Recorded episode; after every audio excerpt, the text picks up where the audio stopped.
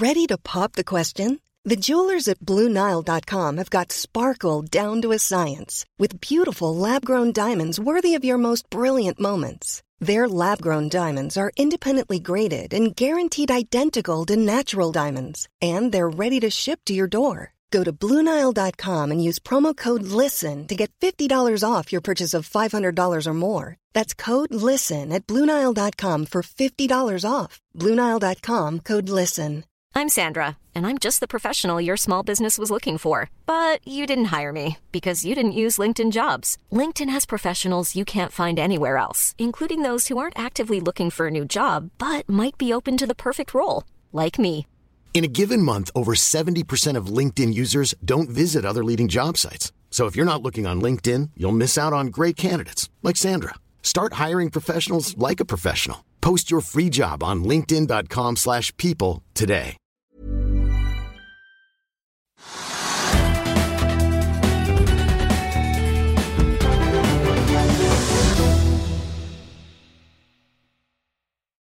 Velkommen til Økonominyhetene midt i det som er en særdeles hektisk kvartalssesong på Oslo Børs. Alt så lenge godt ut på hovedindeksen i dag, som var opp eh, 1,7% på det meste. Men utover dagen så har vi mistet eh, omtrent eh, ett eh, poeng, og det skyldes jo bl.a. at eh, aksjekursen i Equinor ikke er så høy som den var litt tidligere i eh, dag. Den utgjør jo en god del av indeksen. Rundt oss i Europa så er det grønt på eh, de store indeksene, og, og oljeprisen den har mistet eh, ja, rundt en prosent i dag og ligger nå på 90,3 dollar for eh, et fat nordsjøolje i spotmarkedet. Ser vi på futuresene på Wall Street, så peker også de mot en eh, positiv start når markedet åpner på andre siden av Atlanteren om en times tid. Vi har satt sammen en rikelig meny for dere i dag, med noen utvalgte høydepunkt på en veldig hektisk nyhetsdag. Vi har snakket med toppledelsen i Equinor og norgessjefen i meglerhuset ABG, som alle har kommet med kvartalstall i dag. Vi skal også se nærmere på tallene fra sportskjeden XXL, som jo er dagens store vinner på Oslo Børs. Og vi får også teknisk analyse av den aksjen. Den aksjen er jo opp rundt 17% og har vært opp over 20% i løpet av dagen. Her i studio kommer også straks analytiker Anders Holte i Kepler Chevrolet, men først eh, må vi se litt på alt det andre som også har eh, skjedd i dag. På havvindfronten så har regjeringen nå lagt frem sin havvindplan for en times tid siden, og den store nyheten er vel at de i første omgang ikke legger opp til disse såkalte hybridkablene, som i hvert fall mange i kraftbransjen har ønsket seg. Altså at man kan sende kraft eh, både fra Norge via disse vindmøllene i Nordsjøen og ned til kontinentet, og potensielt også andre veien igjen. Men det blir det foreløpig ikke noe av. Regjeringen sier at de vil realisere dette området som heter Sørlige Nordsjø 2, i første omgang med 1500 megawatt. og Da er det jo snakk om da bunnfast havvind eh, som skal gi da kraft inn til det norske fastlandet. Ifølge regjeringen så er det da snakk om at vi kan få ut ca. 7 TWh. Til sammenligning så bruker, bruker jo Norge rundt da 140 TWh i løpet av et år. og Så kommer jo da regjeringen tilbake med en eh, omtrent like stor satsing i fase to av eh, dette området senere. Det er jo i utgangspunktet en auksjonsmodell som man ønsker som den primære fremgangsmåten for å tildele areal til aktørene i bransjen. På Oslo Børs fikk eh, forsikring og finanskonsernet Storebrand et resultat på 1,37 milliarder kroner i fjerde kvartal. og De vil utbetale et utbytte på 3,50 per aksje for 2021. Aksjen er ned 4,5% til 94 kroner. Industrigiganten Elkem fikk et driftsresultat før av- og nedskrivninger på 3,1 milliarder kroner. Det er over 900 millioner mer enn den gamle rekorden fra tredje kvartal i fjor. Den aksjen er opp nesten 2,5 Komplett, altså netthandelsselskapet, melder at de vil slå seg sammen med Nett og Nett. De to selskapene hadde i 2021 en omsetning på 18,5 milliarder kroner. Komplett meldt i dag at de hadde inntekter på 3,3 milliarder kroner i fjerde kvartal og et resultat før skatt på 108 millioner kroner. Styret i Komplett foreslår et utbytte per aksje på 2,90, og Komplett er opp nesten 4% til ja, rundt 65 kroner aksjen. Før vi går videre i sendingen, husk at du også kan se sendingene våre ved å gå inn på fano-tv, og at vi også har andre podkaster enn bare Økonominyhetene, som Morgenkaffen, Gründerpodkasten Veien hit, Ukens vintips, Kunstpraten og bilpodkasten Mil etter mil. De finner du ved å søke Finansavisen, der du hører på podkast. Vi har snakket med ledelsen i oljegiganten Equinor i dag, og la oss begynne med å se litt på tallene fra selskapet. De har altså gått på et års tid fra det verste til det beste resultatet i selskapets historie. Det ble et justert resultat før skatt på rundt 15 milliarder dollar. Og ser vi på bunnlinjen, så forbedret den seg i fjerde kvartal fra minus 2,4 milliarder dollar for et år siden til 3,4 milliarder dollar nå. Og denne, disse voldsomme tallene som da skyldes i stor grad høye olje- og gasspriser, de eh, fører også til at oljegiganten nå strør om seg over aksjonærene. Vi kan jo se litt på hvordan de deler det opp. Det vanlige utbyttet som dere vil se på skjermen her, økes fra 18 cent aksjen til 20 dollar cent. Ekstraordinære utbyttet kommer da på toppen, som de drysser over fire kvartaler, 20 eh, dollar i tillegg. Så da er det altså 40 cent aksjen totalt uh, neste året. På toppen av dette så vil Equinor kjøpe tilbake aksjer for inntil 5 milliarder dollar i år. Det er en økning fra 1,2 milliarder i fjorårets program. Og totalt snakker vi altså da om utdelinger til aksjonærene på 10 milliarder dollar. Eh, på det meste, hvis alt klaffer og slår til. Eh, og det er jo da nesten 90 milliarder norske kroner med dagens kurs. Selskapet planlegger å investere om lag det samme i år og neste år, og planlegger å investere rundt 12 milliarder i de to påfølgende årene. og Dette er ikke endret siden sist, så selskapet har ikke foreløpig valgt å øke investeringsbudsjettene sine. Selskapet legger opp til og forventer at de får en fri kontantstrøm før utbytte på rundt 25 milliarder dollar i perioden 2022 til 2026.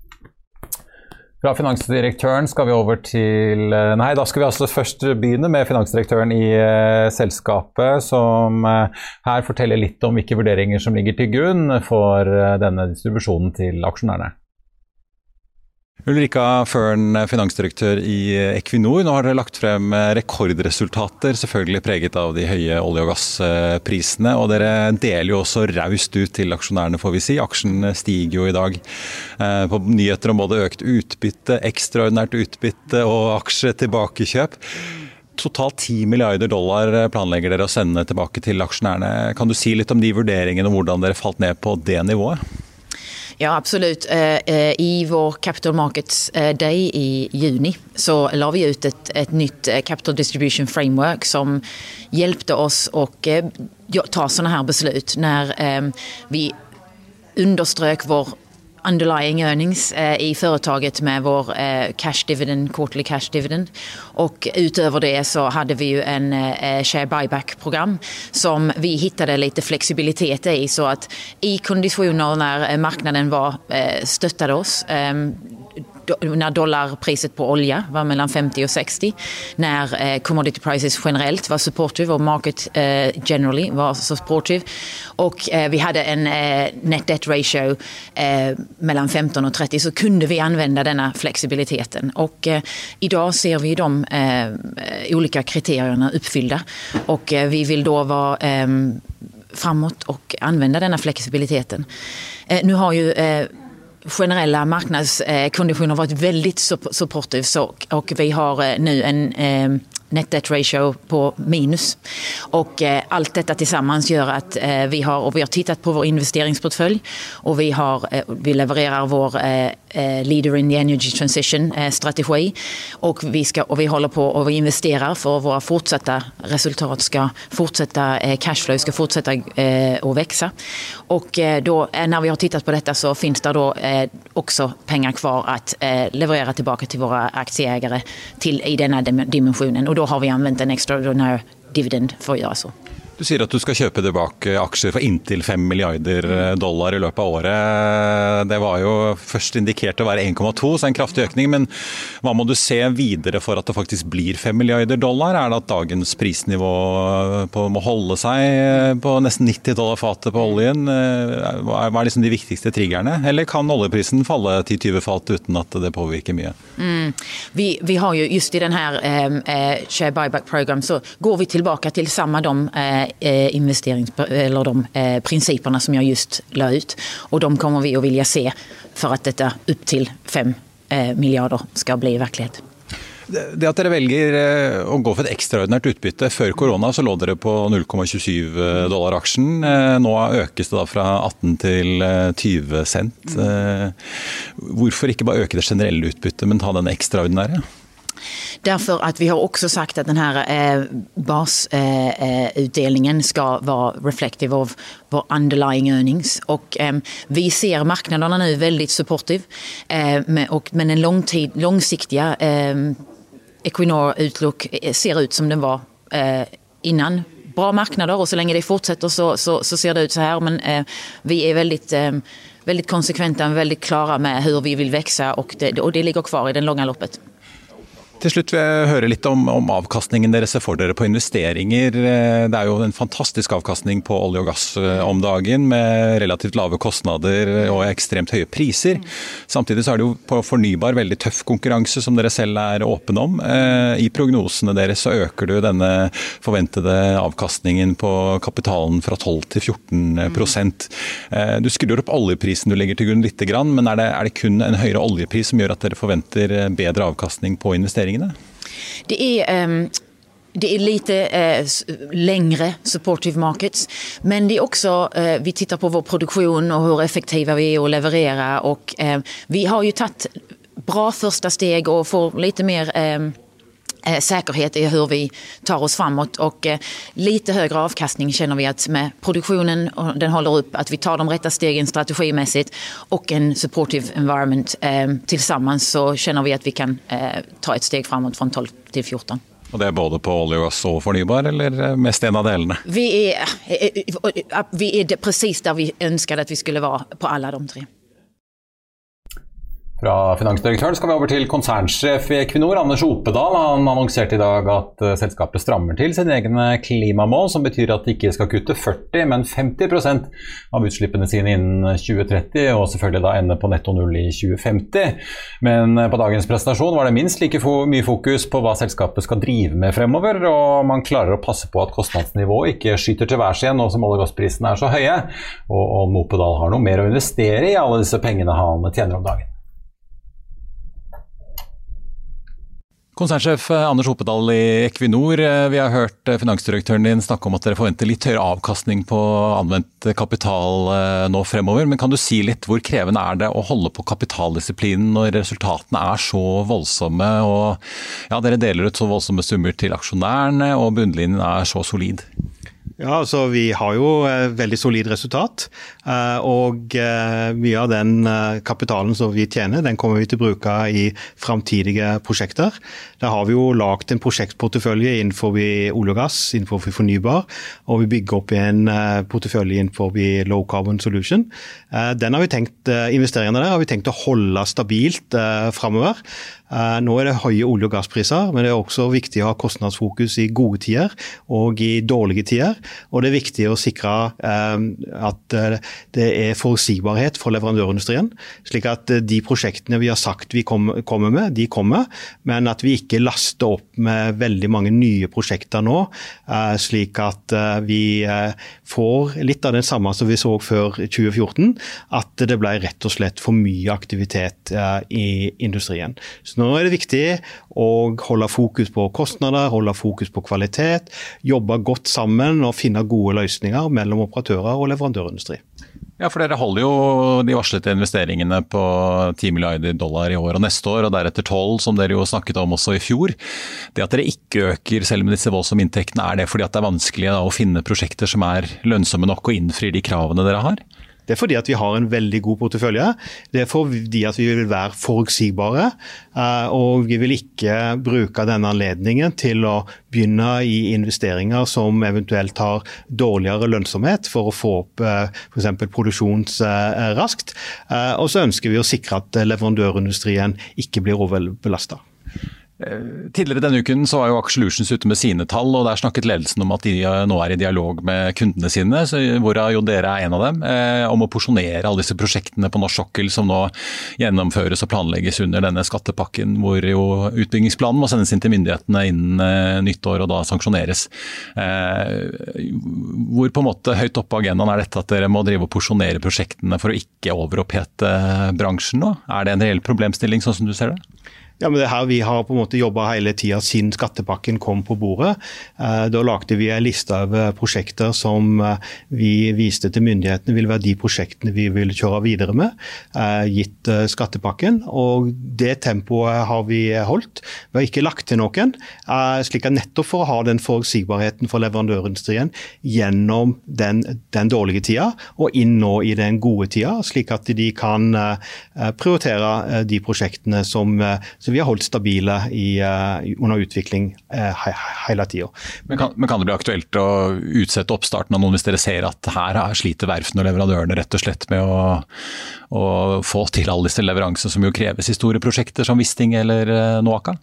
Jeg vil ikke kommentere på de prosjektene spesifikt, men det er klart at vi følger alltid med på eh, hvilken eh, kapasitet i leverandørindustrien. Vi sanksjonerer ikke prosjekter før er, eh, prosjektene er gode nok. Eh, og når vi sanksjonerer prosjektene, så har vi også sikra oss de nødvendige avtalene for å gjennomføre prosjektene, altså den nødvendige kapasiteten her. Men her er det viktig nå at hele industrien jobber sammen, har fokus på disse tingene i, i årene framover, når vi vil se høye olje- og gasspriser gasspriser, eh, slik at vi sammen bruker det vi lærte eh, fra 2014 og utover. Eh, dere rapporterte jo i fjor høst om at dere økte produksjonen på Gina Krog. Dere fikk jo godkjent å øke produksjonen på Troll og Oseberg for å møte den voldsomme appetitten på gass og de skyhøye prisene i Europa. Her i dag på prestasjonen så snakker du om at dere forventer jo et stramt marked, eh, ikke bare på olje, men ikke minst på gass også fremover. Eh, hvorfor ikke forsøke å øke kapasiteten både på transport og produksjon eh, når dere forventer at Europa vil ha den appetitten for gass også fremover? Eh, det viktigste vi kan gjøre nå for oss å øke gassproduksjonen litt, det er å få Hammerfest-anlegget opp og gå. Det vil gi mer LNG. Eh, utover det så har vi ikke noe mer eh, si, kapasitet til å øke på kort sikt innenfor det som går gjennom rør til, til Europa. Det er jo lange ledetider på den, på den, type prosjekter. Så vi har fokus på å sikre sikker og effektiv drift. Sørge for at det er så mye oppetid som mulig, slik at vi er en stabil, forutsigbar fornybar leverandør av gass eh, til Europa. Men når dere nå ser eh, at eh, naturgass blir en del av taksonomien i EU, selvfølgelig med visse vilkår, har det gjort at dere har vurdert å endre for å øke mer og gi enda mer gass til Europa enn det dere hadde opprinnelig planlagt de neste årene? Nå har vi et veikart for norsk sokkel der vi skal utvikle norsk sokkel videre, både innenfor biologass og gass eh, og havvind. Eh, og det gjør at vi har 25-30 leitebrønner i, i året. Eh, nettopp for å se om hvordan vi kan holde stabil olje- og gassproduksjon fra norsk sokkel i flere tiår framover. For det kommer til å være nødvendig, ikke minst gass til Europa. Og så vil jo det at vi eventuelt finner mer gass rundt eksisterende infrastrukturer, være viktig i forhold til framtida. Fram, fram, naturgass eh, være veldig, blir veldig viktig i forhold til blå hydrogen. Eh, og Da er det viktig å bruke tida nå til å lete etter den, slik at den kan være en del av lavkarbonsamfunnet framover. Da har jeg fått eh, med meg analytiker i Kepler Sjøvrøy, Anders Holte i studio. Anders, Equinor-aksjen var jo opp 5%, over 5 i dag. Nå ligger den så vidt i rødt. Hva er det Anders Opedal har sagt utover dagen som har gjort at markedet har surnet sånn? Da? Nei, jeg tror nok til altså For det første så tyder jo litt det på at det var egentlig litt som forventa. Ja. At euforien blir jo veldig stor når tallene kommer. For det var jo rekordresultater på alle fronter. Enda bedre enn dere analytikere hadde turt å spå på foran, i hvert fall konsensustallene. Ja. ja da, og det, og det, er imponerende at de får det til. Det, men klart, oppførselen for selskapet inn i tallene og det vi har sett operasjonelt fra Equinor, har jo pekt mot at de tallene skulle bli sterke. Og det har jo vært veldig rom i balansen for økte utbytter og økte tilbakekjøp, eh, noe som de også kommer med. Så klart, forventningene var veldig høye. Jeg tenker nok at eh, for å se en vedvarende reaksjon på 5 pluss, så må nok ha dratt til enda hardere enn det man valgte å gjøre. Ja, du sa du ble rørt i dag nesten av å lese denne ja. rapporten. Eh, Anders Oppdal var ganske åpen på det selv. Han tok jo over jobben, det er jo ikke mer enn et uh, drøyt års tid siden. Og da, Det første han gjorde, var å legge frem tall som var de dårligste i selskapets historie etter koronapandemien. Og nå har jo ja. alt snudd, og det går så det griner. Ja, Det er jo altså Det er voldsomme kontraster på ganske kort tid. Det er klart, det, altså han forrige eh, konserndirektøren hadde jo en eh, relativt tøff, tøff reise han med to kriser rett i fanget. Og det, det, går mye opp og ned. Vi har jo hatt en høst med gasspriser som har vært fire-fem ganger nivået av det man vanligvis ser, og mer enn det. Så klart det, det helt ekstreme prisutslaget vi har hatt, spesielt i høst, har jo gjort at selskapet har skifta helt form. Du går fra plutselig å være Ja, det var jo diskusjoner lenge om skulle jeg kunne kutte utbytte, var utbytte, kunne man holde på utbyttene i det hele tatt? Og nå sitter jo selskapet i De har jo da netto cash, altså de er for alle gjeldsfrie. Ja, Finansdirektøren på, eh, påpekte at de var strengt tatt i minus uh, på gjeldsgraden sin uh, nå. Det er jo ja, Vi så det jo under oljebremsen. Da skjøt den jo opp godt over 30 uh, på ganske kort tid. og Det samme ja. så vi litt under pandemien òg. Plutselig så begynte det å røre på seg. Ja, og det er jo det, det sier jo selskapet at man skal jo ikke være i en posisjon man er i nå. Det tyder jo på at man rett sitter på for mye kontanter. Og så kan man alltid stille spørsmål om skulle man ikke ha investert mer. Ja, men La oss ta utbytte først. Da. De deler ut, eller legger opp til sånn 10 milliarder eh, dollar i år. Yep. I da tilbakekjøp, ekstrautbytte og vandreutbytte. Eh, ja. Kunne de gitt mer? Ja, det kunne man. Ja. Det, man kunne gitt ganske betydelig mye mer. Men klart, da strekker du balansen ganske raskt tilbake i det territoriet hvor du, er, da, du har en nettogjeld som er innafor det intervallet man har satt. Mm. Ja, tolker, men tolker du at det kan skje hvis disse prisene holder seg så høye som de gjør? At, uh, er det det de, de, tar bare litt forbehold inntil de ser ja. hvordan året går, eller? Ja, det tror jeg. Det er jo ganske tydelig, eh, ikke bare blant Equinor-aksjonærene, men du ser også på hvordan markedet priser litt de langsiktige olje- og gassfatene, er at usikkerheten på spesielt oljetilspørsel på den lengre sikten da, gjør til at man foretrekker kontantstrømmen nå, og man foretrekker at eh, selskapene deler ut pengene til aksjonærene nå, kontra det å investere i framtidig vekst, fordi den framtidige veksten er usikker med tanke på hvor oljeprisen ligger. Ja, Du har jo kjøp, en kjøpsanbefaling på denne aksjen, nå ligger den på 2,55 omtrent. Du har kjøpt 2,90. Det er jo ja. litt splid. Noen analytikere, det er vel i Danske Bank bl.a., har de vel selv, så vidt jeg husker. Eh, det er jo litt sprikende syn på, på en måte om oljeaksjene har nådd toppen, eh, og på en måte all, all euforien er tatt ut i aksjekursene, ikke bare til Equinor, men også andre allerede. Hvorfor tror du at det, her er det enda mer å gå på? Nei, vi tror jo det. Altså, nå har vi langsiktig oljepris på 65 dollar, og så har vi en langsiktig gasspris på 10 dollar, som slår inn fra med 2023. Og så har vi 20 kroner per aksje i eh, den fornybare divisjonen til Equinor, der vi kanskje skiller oss ut fra resten. Eh, og vi tenker jo at hvis selskapet nå sitter i en periode hvor oljeprisen blir 65 dollar pluss, og gassprisen legger seg på 10 dollar per BTU, så er jo inntjeningspotensialet Equinor ganske mye større enn det du ser reflektert i konsensus i dag. Ja. Så vi tenker at det er, det er, helt åpenbart så er det jo en utfordring. Jeg ser at jo i dag, når kursen er nærmere all time high, så skal man eh, gå last til best å kjøpe. Men eh, vi tenker at det er kanskje litt prematurt å, å si at eh, det holder nå. Ja, altså Equinor-ledelsen og Opedal selv han snakket jo at de forventer jo at både olje, men ikke minst gassmarkedet vil være stramt også fremover en periode. Så det er ikke bare en sånn døgnflue nå i vinter, virker det som at de forventer? Nei, og det, altså, det, har jo skjedd mye Spesielt på gassfronten så har jo etterspørselen, spesielt gjennom Asia, vokst voldsomt gjennom covid. Eh, og det er jo det som har tippa hele gassmarkedet i den eh, ubalansen som det har kommet opp i, er jo nettopp at spesielt Kina har økt etterspørselen etter LNG, og det spres inn i eh, det europeiske gassmarkedet. Og klart det, det er vanskelig å se for seg at det bildet skal flytte seg noe sånn voldsomt i løpet av neste 6-12 måneder. Men eh, klart, det er jo en råvare som råolje. Vi har alle vært med på at eh, plutselig så oljeprisen ned i 20 dollar. Så det skal ikke Plutselig koster det 90? Ja. Så jeg tror ikke man skal liksom avfekte at gassprisen kan falle kraftig. For det kan. Det er jo en, stein i skoen, en stor stein i skoen til Anders Oppedal, og det er jo de voldsomme inntektene han kunne hatt hvis uh, LNG-anlegget i Hammerfest Melkøya hadde vært åpent, men det har de jo ikke klart å få ferdig reparert etter brannen som var for halvannet år siden ennå. Det, jo, det ble jo nå skjøvet gjenåpningen fra mars til, til, mai, er det vel, i år. Mm -hmm. eh, hvor surt er det for Equinor, egentlig? Er det utsatte inntekter, eller er det en kjempegevinst som de har gått glipp av her? Nei, det nei åpenbart så er det jo eh, altså sett med eh, altså Hvis vi ser bakover i tid, så er det helt soleklart at de har gått glipp av betydelige inntekter. Jo, uh, kan vi anslå noe? Jeg spurte Oppdal om det i dag. Han. Han sa de hadde regnet på det, men han, det sier vi ikke til dere, sa han med et smil. Nei, det Altså, nå gjør jo vi utregninger på segmentnivå, da, men vi, ikke på, vi har ikke egne profit, ikke på anlegget, liksom, Nei, vi har ikke profitten loss per enhet, for det blir litt rotete. Men ja. Eh, det er klart, men altså, at gassprisen skal nå de nivåene vi hadde i høst, det er jo, eh, det er jo overhodet ikke sikkert det. At vi skal tilbake til liksom 40 dollar pluss per BTU.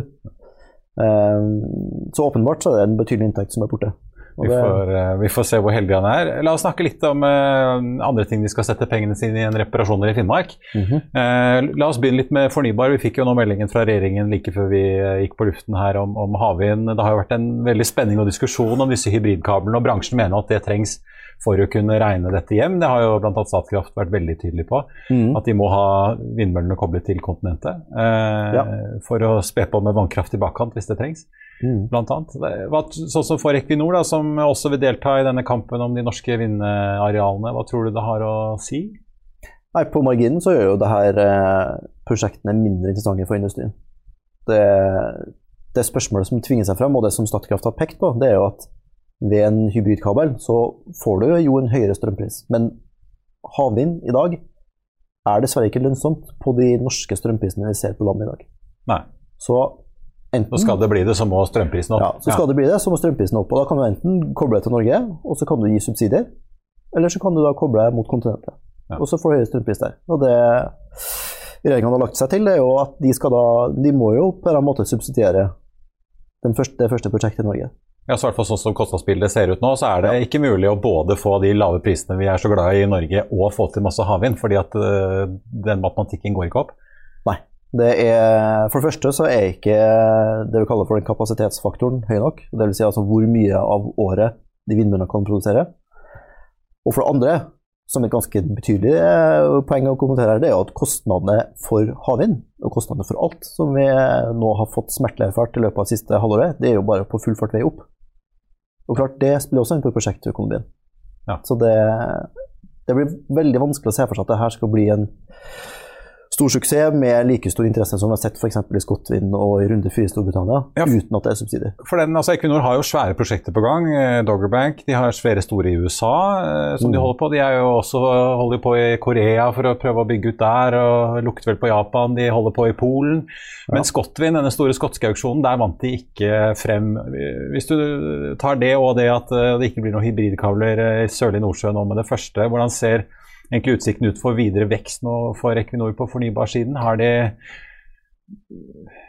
ja. Legger dette en litt sånn demper på det når de ikke får, fikk være med i Skottland, og, og, kanskje det ikke blir så interessant i Norge likevel?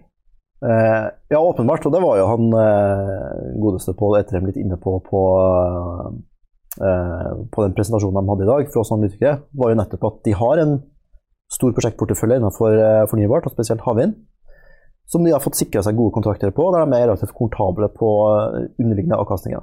Men klart, fremtidige prosjekter så er det et helt annet eh, bilde du eh, står overfor. Da har de sagt selv at de har ganske god tid, og vil være selektive med tanke på de prosjektene man velger.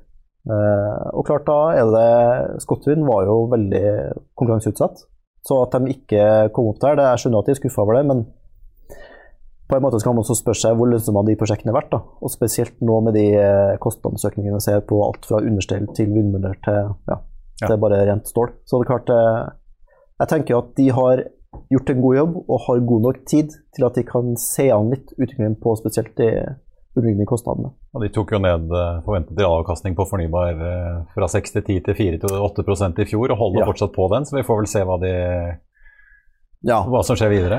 Og det tror jeg nok det, De har sikra en så stor del av porteføljen på så gode kontrakter. At den holder på de prosjektene som er? Den holder. Ja. Eh, men det er jo helt åpenbart at de prosjektene som er sikra, sånn som Drogbank AB, vil jo ha en helt annen økonomi enn det man skal nå ut og sikre seg i ja, markedet som vi ser i dag.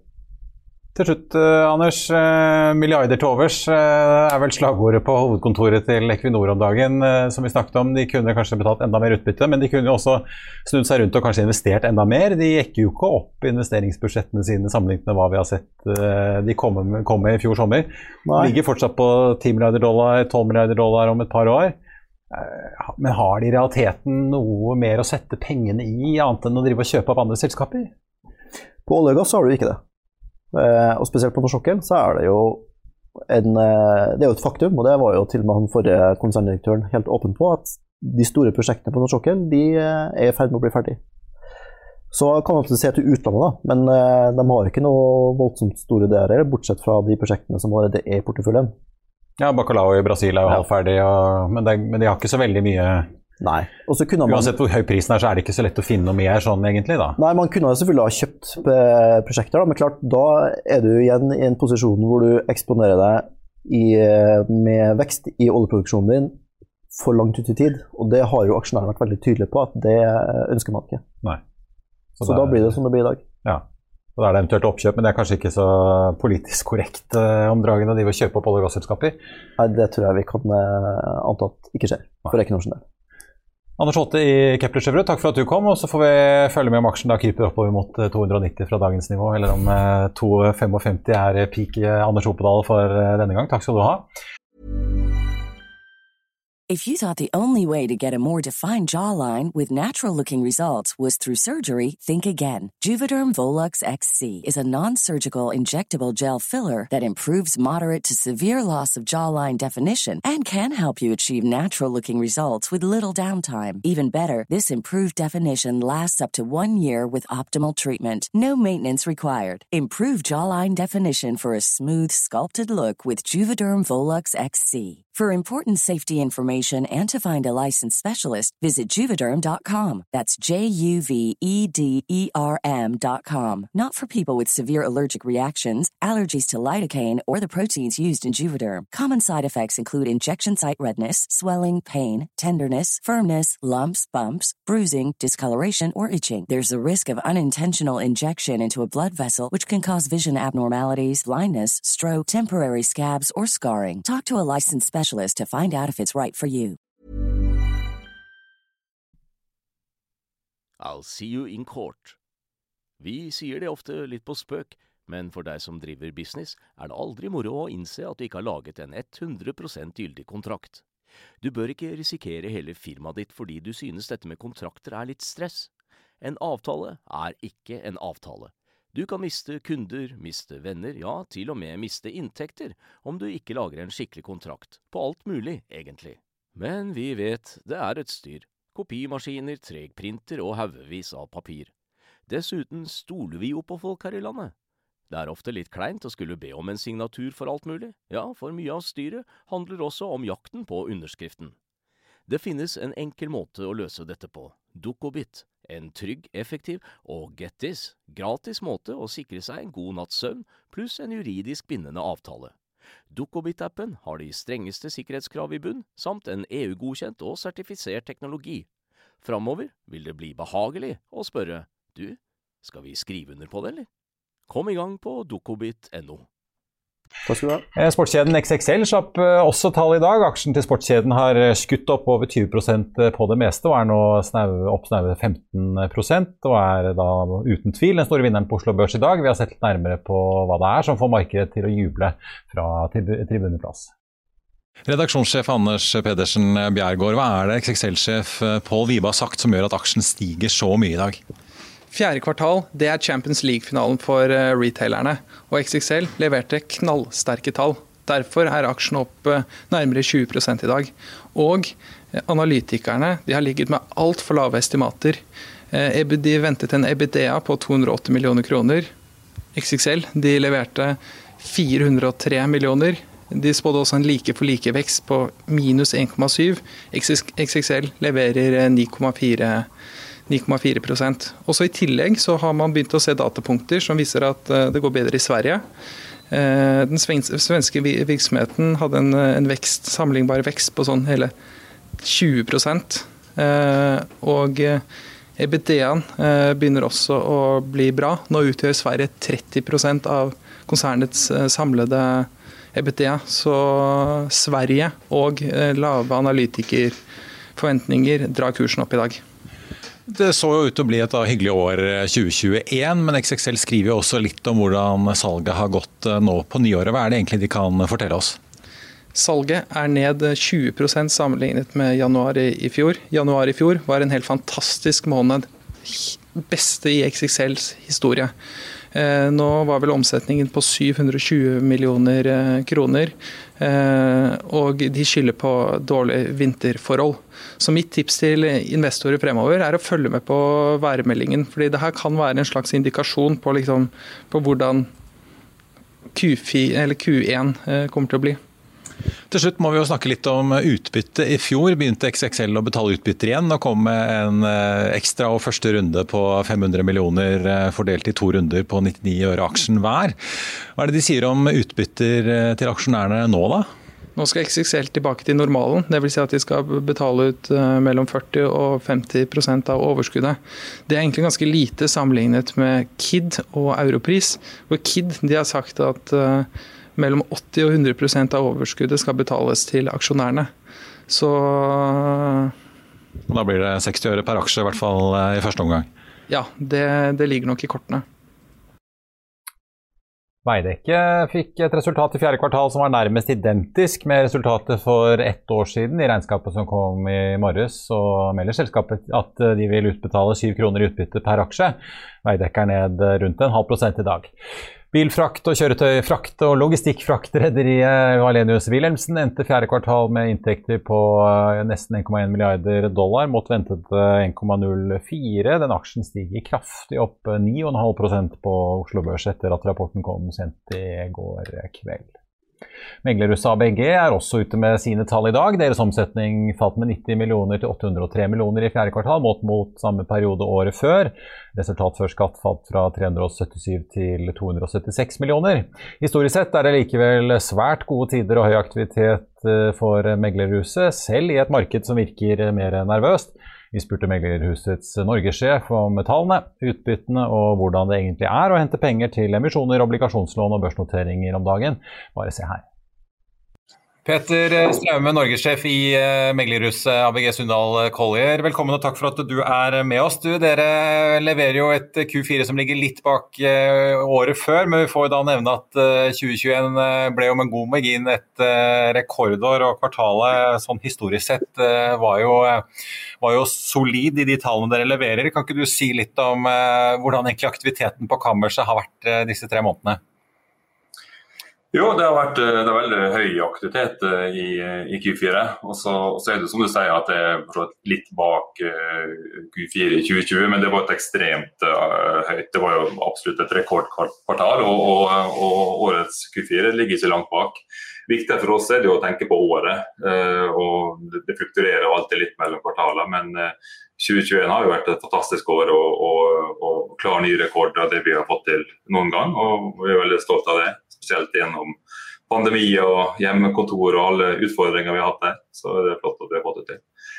Um, så, men veldig høy aktivitet og, og, og, og veldig bra avslutning på året, egentlig. Ja, altså Da du startet dette året, nå har, du, har vi jo vært gjennom en uh, først pandemiåret 2020 og så 2021, men hadde du trodd at uh, inntektene skulle øke med over 50 til nesten 3 milliarder kroner i konsernet da du, da du startet 2021 for tolv måneder siden? Nei, vi skal være helt ærlig, så syns vi, så, så synes vi at 2020 var veldig bra. Og, vi, var, og vi, var, eh, vi, hadde ikke tenkt at det skulle bli så stor økning i, i 2021, selv om vi så at eh, det var mye som lå til rette for at det skulle bli et bra år. Så, så vi syns det har blitt, blitt, veldig bra. Du, dere øker utbyttet til aksjonærene, som jo inkluderer mange av de ansatte i ABG, fra, fra 0,83 til en krone aksjen. Mm. Samtidig så skriver dere jo at uh, med den økende inntektsbasen dere har, så er dere nødt til å få opp kjernekapitalen, så dere må holde litt igjen. Uh, samtidig går dere og venter på noen nye norske regler. eller Kan ikke du fortelle litt uh, hva dere da egentlig går og venter på nå? Ja, Nei, altså det, det, er noen nye regler i EU som skal etter det vi skjønner innføres enten det i 2022 eller eventuelt 2023 i Norge. Og Da blir det annet beregningsgrunnlag på kapitaldekninga vi må ha. Og Eh, så mm, en krone er det som, som liksom, vi kan forsvare å betale ut nå. Og, hadde det, hvis det var slik at det var nye regler som gjaldt, så hadde vi kanskje kunnet eh, vært på et høyere nivå som er liksom mer i tråd med det som er Ørlingsbeskjed. Eh, og, mm. Ja, for nå ligger dere på 13,5 eh, skriver dere i regnskapet, 1,7 ganger over da minstekravet som er i dag. Eh, er det, når er det da vi kan forvente at dere eventuelt gjør en ny utbyttevurdering? Blir det da når eh, norske myndigheter innfører dette regelverket, eller vet dere noe mer om tidslinjen her?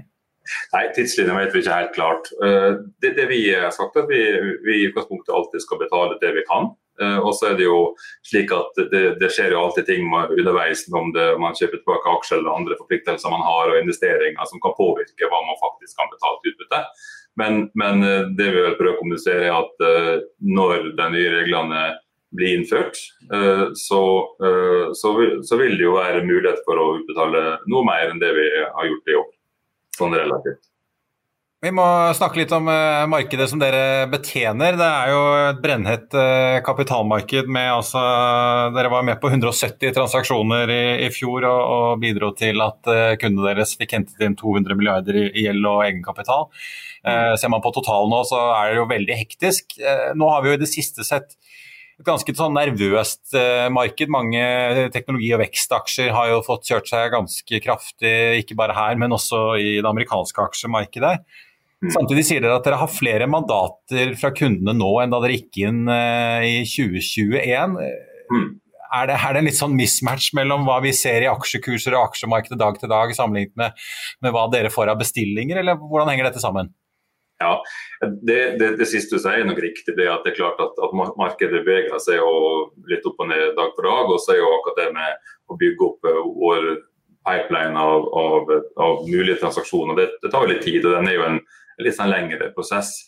Eh, men, men, det er riktig at ved, ved, ved, inngangen til året 2022 så ser det for så vidt mer robust ut enn det gjorde ved inngangen til 2021. Altså er året langt, og, og, noen transaksjoner forsvinner jo, og andre kommer til som vi ikke vet om. Så, så, det kan jo bevege seg litt. Men når vi sier at den er mer eh, robust, så tenker vi på at uh, det er kanskje spredd på, på flere sektorer.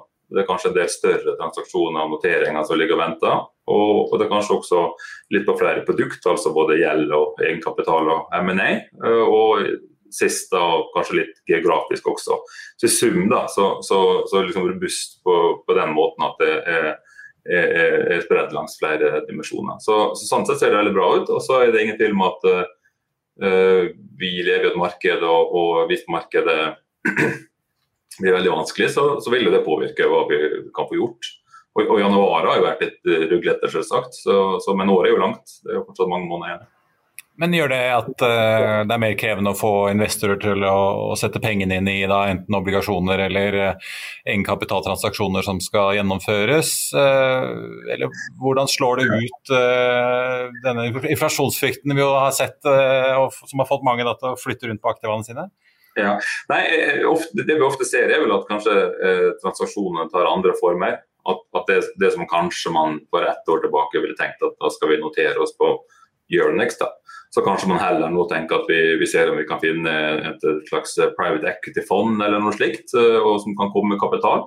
Og, og, de er veldig aktive. og Når, når prisene på en måte kanskje har, har ut, eh, balansert seg litt eh, relativt til, til, det markedet, så er jo det en, et eksempel. Andre kan jo velge, Noen kan jo kanskje ha tilgang til, til obligasjonsfinansiering, eh, som da er et, et, et alternativ. Eh, så, så, det liksom transaksjonene kanskje tar litt andre former. Og det blir også en del strategiske ting mellom selskap, med fusjoner og, ja, oppkjøp fra selskap osv. Så, videre. så så sånn høy aktivitet, eh, men basert på liksom flere veier fram da, for, å, for å komme dit, og ikke så ensidig som det var i fjor. Ja, Så det kan bli færre børsnoteringer fremover, rett og slett? da? Ja, det, det, Vi har faktisk bra med børsnoteringer, men det er typisk større, altså store. Uh, mens i, fjor, i første kvartal i fjor så var det jo kjennetegn med veldig, veldig mange små. Uh, så, så, så, kanskje en del større ting som kommer kom i markedet utover. og Det er jo typisk også av og til, eller på mange måter litt mindre risiko, kanskje. Fordi store transaksjoner har jo tendens til kanskje bli gjort. Uh, fordi veldig mange kanskje uh, må delta eller vil delta. Mens mindre transaksjoner er jo mer enn en litt sånn hvor du kan velge å delta. Eh, til slutt, vi har jo sett Finanstilsynet har jo vært ute og fulgt litt og fulgt opp den noteringsbølgen som jo var på Aronex Growth, og har jo kommet med litt kritikk av Oslo Børs.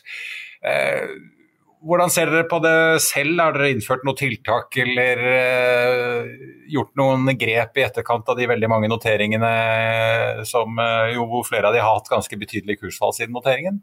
Ja, ja, jeg tror uh, nei, Vi har vel forsøkt å, å både være litt restriktive med hvilke prosjekter vi har tatt på oss, og, og, og holdt, prøvd å holde en, en, en, god linje der. Uh, men uh, det som er viktig for oss, er jo at vi over tid leverer god avkastning til de som velger å investere i de selskapene vi, vi, tar ut av markedet. og Sånn sett så syns vi det er positivt om, om eventuelt litt innskjerpelser på prosess og regler eh, medfører at det markedet da eh, vil fungere bedre. Eh, og vi mener jo at, at et sånt kapitalmarked for mindre selskap er veldig viktig. Det er jo at selskapene faktisk får kapital, og det kanskje blir i Norge lenger. og Det skaper jo arbeidsplasser og, og innovasjon og, og verdiskapning over tid. Så, så, vi ønsker jo at det her, vi ønsker egentlig eh, alle nye regler og, og, justeringer for at det, det skal fungere fint for alle parter. Velkommen. Og så skal vi, eh, som alle andre, prøve å følge de reglene så godt vi kan. Og finne gode selskap som man kan ta ut av markedet. Men er det da eh, altså dere fra meglerhusene som må, må, gjøre en bedre jobb i å på en måte sørge for at investorene får mer informasjon, eller er det Oslo Børs som må stille strengere krav til selskapene som skal på børs, eller hvordan, hvilken form bør dette ta, den innstrammingen ta, tenker du? Ja, altså, nei, eh, Oslo Børs eh, lager jo felles regler for alle sammen med tilsynet, så det må jo være på et nivå som man er enig om er velfungerende. Um, og Så er det opp til uh, også meglerhusene gir sine egne vurderinger om, om det relevante selskapet er egnet for å, å, bli tatt ut. Vi mener at man må, man må tenke gjennom selvsagt, fra selskap til selskap om det er noe som man skal uh, stå bak. Uh, så Det er jo en kvalitetsjobb som, som, som, ligger på, på, på hver og en aktør. Um, så der tror jeg kanskje ikke Det er vel ikke regler som på en måte uh, styrer det. Det blir jo regler fra Oslo Børs kombinert med, med forretningsmessig skjønn og, og, og, og, rett og slett uh, ja, forretningsmessig skjønn er vel, er vel ordet. Vi får vel anta at diskusjonen i bransjen fortsetter fremover eh, om hvordan man skal gjøre dette. her. Petter Straume, norgessjef i ABG, takk for at du var med oss. Da tar vi med at eh, flyselskapet SAS melder at de fremskynder eh, slippet sitt av regnskapet for deres første kvartal. De har jo et avvikende regnskapsår som løper fra november, og fremleggelsen den eh, skyves frem med én uke fra tirsdag 1.3 til tirsdag 22.2. Selskapet kommer dermed med sitt regnskap enda litt tettere etter at Flyr kommer med sine tall for fjerde kvartal torsdag 17.2 og Norwegian fredag 18.2. Da skal vi ta med utviklingen på Oslo Børs. Nå er hovedveksten opp 1,1 igjen, og det har dermed hentet seg en god del inn. Mye av det skyldes jo at Equinor nå er tilbake i pluss, opp 0,4 etter å ha vært eh, ganske kraftig opp inntil 5 tidligere i dag. Eh, så litt i rødt og nå i grønt igjen. Så kan vi også ta en titt på de andre selskapene som har sluppet kvartalstall i dag. XXL er opp eh, nå 16 Den var jo opp over 20% på det meste. Storbrann er ned 4,3% etter at de slapp tall. Veidekken ned 0,75 0,75% Logistikk- og bilfraktrederiet Valenius Wilhelmsen opp 10,5 eh, fortsatt. Elkem 1,9 Komplett 3,8 eh, og ikke minst da meglerhuset ABG som er opp 0,2% Rundt oss eh, på kontinentet er det fortsatt gode tider på indeksene, og oljeprisen den holder seg for ja, hentet seg litt inn faktisk nå på 91 dollar og 15 cent fatet i spotmarkedet for et fat nordsjøolje. I Finansavisen i eh, morgen kan du i Trygve Hegnars leder lese om næringsministeren og Hegnars batterifabrikk. Du kan lese om hvilke bedrifter som kommer på topps i Norsk handelshøyskoles innovasjonsindeks.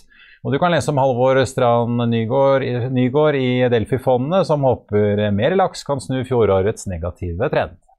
Det var det vi hadde i dag, men vi er tilbake i morgen for en ny fyldig dag med masse kvartalsrapporter klokken 14.30.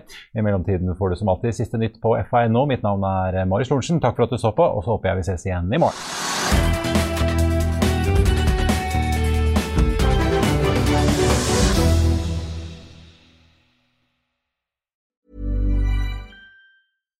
Here's a cool fact. A crocodile can't stick out its tongue. Another cool fact you can get short term health insurance for a month or just under a year in some states. United Healthcare short term insurance plans are designed for people who are between jobs, coming off their parents' plan, or turning a side hustle into a full time gig. Underwritten by Golden Rule Insurance Company, they offer flexible, budget friendly coverage with access to a nationwide network of doctors and hospitals. Get more cool facts about United Healthcare short term plans at uh1.com. Hi, I'm Daniel, founder of Pretty Litter. Cats and cat owners deserve better than any old fashioned litter. That's why I teamed up with scientists and veterinarians to create Pretty Litter. Its innovative crystal formula has superior odor control and weighs up to 80% less than clay litter. Pretty Litter even monitors health by changing colors to help detect early signs of potential illness. It's the world's smartest kitty litter. Go to prettylitter.com and use code ACAST for 20% off your first order and a free cat toy. Terms and conditions apply. See site for details. Planning for your next trip? Elevate your travel style with Quince. Quince has all the jet setting essentials you'll want for your next getaway, like European linen, premium luggage options, buttery soft Italian leather bags, and so much more. And is all priced at 50 to 80% less than similar brands. Plus, Quince only works with factories that use safe and ethical manufacturing practices. Pack your bags with high-quality essentials you'll be wearing for vacations to come with Quince. Go to quince.com slash pack for free shipping and 365-day returns. Økonominyhetene er en podkast fra Finansavisen. Programledere er Marius Lorentzen, Stein Ove Haugen og Benedikte Storm Bamvik. Produsenter er Lars Brenden Skram og Bashar Johar. Og ansvarlig redaktør er Trygve Hegnar.